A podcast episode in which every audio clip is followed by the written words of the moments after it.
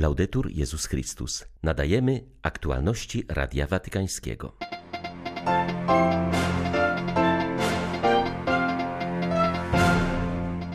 Papież Franciszek rozpoczął drugi etap swojej podróży apostolskiej. W Bratysławie wziął udział w spotkaniu ekumenicznym z przedstawicielami wszystkich kościołów obecnych na Słowacji. Franciszek odprawił mszę na zakończenie Międzynarodowego Kongresu Eucharystycznego w Budapeszcie, która była kulminacyjnym punktem wydarzenia. W homilii zaznaczył, że Eucharystia wzywa nas do dzielenia się z innymi, zwłaszcza z przybyszami i potrzebującymi. W rozważaniu przed modlitwą Anioł Pański Ojciec Święty przypomniał o licznych cierpieniach, których doświadczali beatyfikowani dziś w Warszawie kardynał Stefan Wyszyński i matka Elżbieta Czacka. 12 września witają Państwa ksiądz Krzysztof Ołdakowski i Łukasz Sośniak. Zapraszamy na serwis informacyjny. Papież Franciszek przybył do Budapesztu na zakończenie trwającego w tym mieście Międzynarodowego Kongresu Eucharystycznego. To 34. podróż apostolska tego pontyfikatu. Papież odleciał na Węgry z rzymskiego lotniska Fiumicino kilka minut po godzinie 6 rano. W samolocie krótko rozmawiał z dziennikarzami, którym podziękował za ich pracę. Po oficjalnym powitaniu na budapesztańskim lotnisku Franciszek udał się do Muzeum Sztuk Pięknych, gdzie spotkał się z prezydentem i premierem Węgier. Wśród poruszanych tematów znalazła się m.in. rola Kościoła na Węgrzech, jego zaangażowanie w ochronę środowiska naturalnego, a także obrona i promocja rodziny. Następnie Franciszek spotkał się w sali renesansowej muzeum z węgierskimi biskupami. W ich imieniu przywitał go biskup Andrasz Weresz, podkreślił, że od czasów świętego Stefana, pierwszego chrześcijańskiego króla Węgier, kraj był wierny Kościołowi i stolicy apostolskiej. W ciągu ostatniego tysiąclecia nie tylko łodzią Kościoła, ale i całymi Węgrami często wstrząsały burze dziejowe. Wciąż odczuwamy niszczycielskie skutki ateizmu, który przez kilkadziesiąt lat wyrządzał ogromne szkody duszom. Mimo niewielkiej liczby powołań kapłańskich i zakonnych, staramy się prowadzić nową ewangelizację, której tak bardzo potrzebuje nasz naród. W przemówieniu skierowanym do węgierskiego episkopatu Franciszek przedstawił trzy wskazówki, którymi biskupi powinni się kierować w swojej misji. Pierwszą z nich jest bycie głosicielami Ewangelii. Druga wskazówka papieża to być świadkami braterstwa. Węgry są krajem, gdzie od dawna współistnieją ze sobą osoby wywodzące się z wielu narodów. Wobec różnorodności kulturowej, etnicznej, politycznej i religijnej możemy przyjąć dwie postawy. Możemy zamknąć się w sztywnej obronie naszej tak zwanej tożsamości albo otworzyć się na spotkanie z innymi i wspólnie pielęgnować marzenie o społeczeństwie braterskim. Pragnę w tym miejscu przypomnieć, że właśnie w tej europejskiej stolicy w 2017 roku spotkaliście się z przedstawicielami innych konferencji biskupich Europy Środkowo-Wschodniej i podkreśliliście, że przynależność do własnej tożsamości nigdy nie może się stać powodem wrogości i pogardy względem innych, lecz powinna być pomocą w dialogu z odmiennymi kulturami. Bensì un aiuto per dialogare con culture diverse. Po zakończeniu spotkania z biskupami papież przeszedł do sąsiedniej sali Muzeum Sztuk Pięknych, gdzie czekali na niego przedstawiciele różnych wyznań chrześcijańskich i węgierskiej gminy żydowskiej. Franciszka przywitał przewodniczący Ekumenicznej Rady Kościołów, biskup Józef Steinbach z węgierskiego kościoła reformowanego. Dar miłości Pana zobowiązuje nas do dawania siebie nawzajem, do troski o innych, do doceniania życia, porządku stworzenia, do ochrony ziemi, która jest naszym domem, do wspólnej modlitwy i działania, do życia pięknego i pełnego. Wizyta Waszej świątobliwości na Węgrzech umacnia w naszej chrześcijańskiej wierze, w naszej kulturze i w naszej chrześcijańskiej służbie. Ojciec Święty w przemówieniu skierowanym do członków Ekumenicznej Rady Kościołów oraz niektórych wspólnot żydowskich na Węgrzech zaznaczył, że jesteśmy wezwani do pozostawienia za sobą nieporozumień z przeszłości, roszczeń do posiadania racji i zrzucania winy na innych. Wskazał następnie na przykład znajdującego się w Budapeszcie mostu łańcuchowego, który łączy dwie części tego miasta, ale ich ze sobą nie miesza. Takie więzy chrześcijanie powinni budować między sobą oraz wspólnie z Żydami. Nie należy powtarzać błędów z przeszłości, gdzie próbowano nawzajem siebie wchłaniać albo budować getta.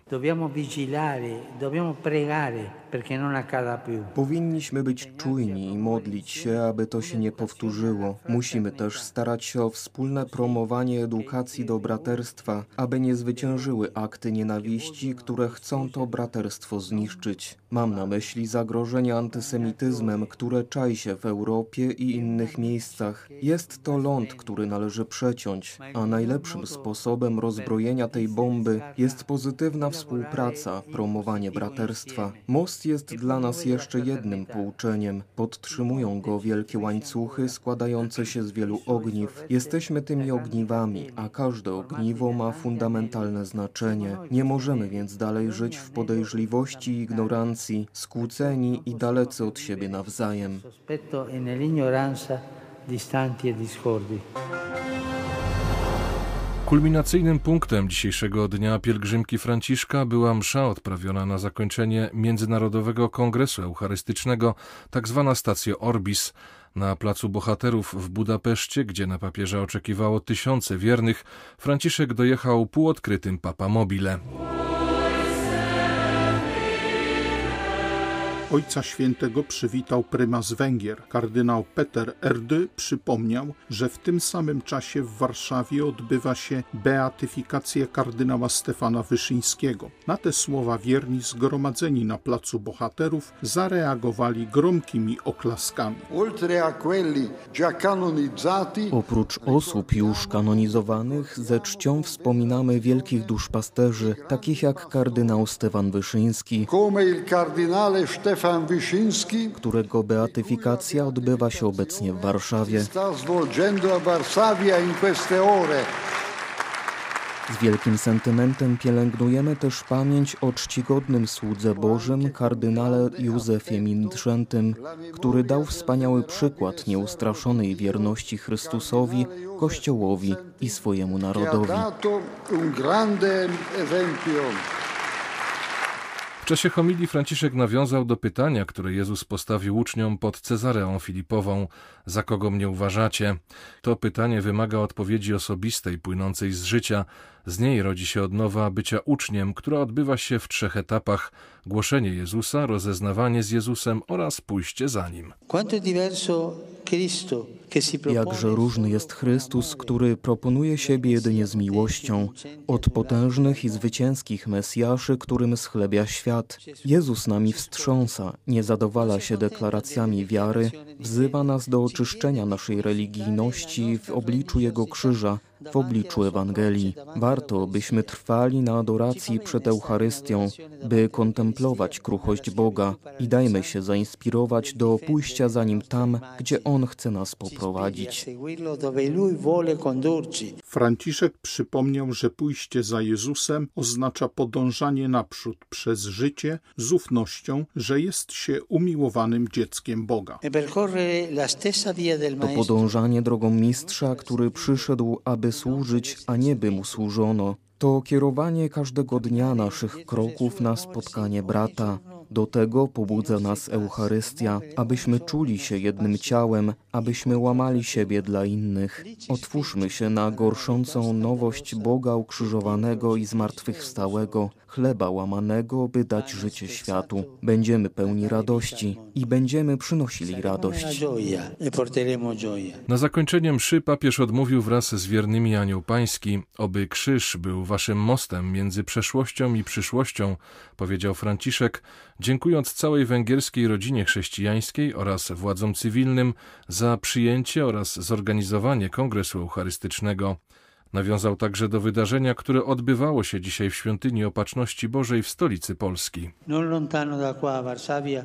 Dziś niedaleko stąd w Warszawie dokonuje się beatyfikacja dwojga świadków Ewangelii, kardynała Stefana Wyszyńskiego i Elżbiety Czackiej, założycielki sióstr franciszkanek służebnic krzyża. Dwie postaci, które z bliska poznawały krzyż. Prymas Polski, aresztowany i internowany, zawsze był mężnym pasterzem według serca Chrystusowego, heroldem wolności i godności człowieka. Siostra Elżbieta, która w młodości straciła wzrok, poświęciła całe swoje życie pomocy niewidomym. Przykład nowych błogosławionych niech nas pobudza do przemieniania ciemności w światłość mocą miłości.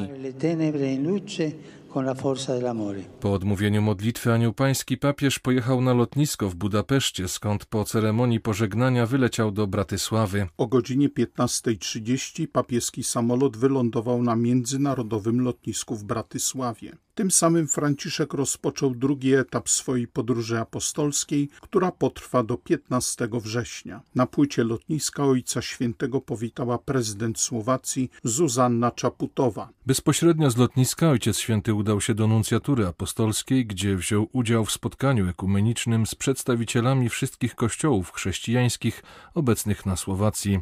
W swoim przemówieniu papież postawił pytanie, czy tutaj, w sercu Europy, my, chrześcijanie, straciliśmy nieco zapał głoszenia i proroctwo świadectwa. Franciszek zauważył, że jedność osiąga się nie tyle dzięki dobrym intencjom, ile dzięki wspólnemu działaniu na rzecz tych, którzy zbliżają nas do Pana, a to są ubodzy, bo właśnie w nich szczególnie obecny jest Jezus.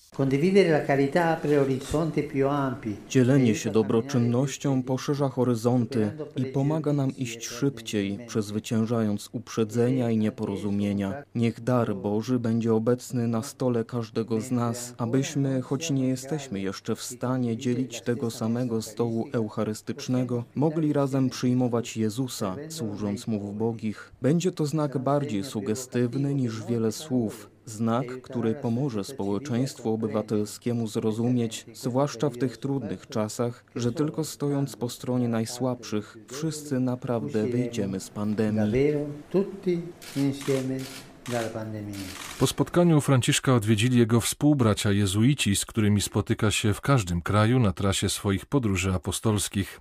Jutro Ojca Świętego czeka kolejny intensywny dzień. Rozpocznie się on o 7.30 mszą w nuncjaturze, którą Franciszek odprawi jedynie z udziałem swoich domowników. Po jej zakończeniu papież uda się do Pałacu Prezydenckiego, gdzie spotka się z prezydent Słowacji, a następnie z politykami i korpusem dyplomatycznym. W Warszawie odbyły się uroczystości beatyfikacyjne kardynała Stefana Wyszyńskiego i matki Elżbiety Różyczackiej. Liturgii przewodniczył prefekt Kongregacji Spraw Kanonizacyjnych kardynał Marcello Semeraro. Obecny był także papieski jałmużnik kardynał Konrad Krajewski. Formułę beatyfikacyjną wygłosił po łacinie kardynał Marcello Semeraro, zaś po polsku biskup Michał Janocha. Naszą apostolską władzą zezwalamy aby czcigodny sługa Boży Stefan Wyszyński, a także czcigodna służebnica Boża Elżbieta Czacka byli odtąd nazywani błogosławionymi. Obecny był również prymas Czech, kardynał Dominik Duka. Chciałbym wyrazić ogromną wdzięczność prymasowi tysiąclecia za osobitą przyjaźń, której mogłem doświadczyć podczas spotkań z nim jak i za jego ogromną pomoc. Ojciec Święty postanowił, że wspomnienie liturgiczne kardynała Stefana Wyszyńskiego będzie obchodzone co roku 28 maja, a matki Elżbiety Czackiej 19 maja. Z Warszawy dla Radia Watykańskiego ojciec Stanisław Tasiemski, Dominikanin. Były to aktualności Radia Watykańskiego. Laudetur Jezus Chrystus.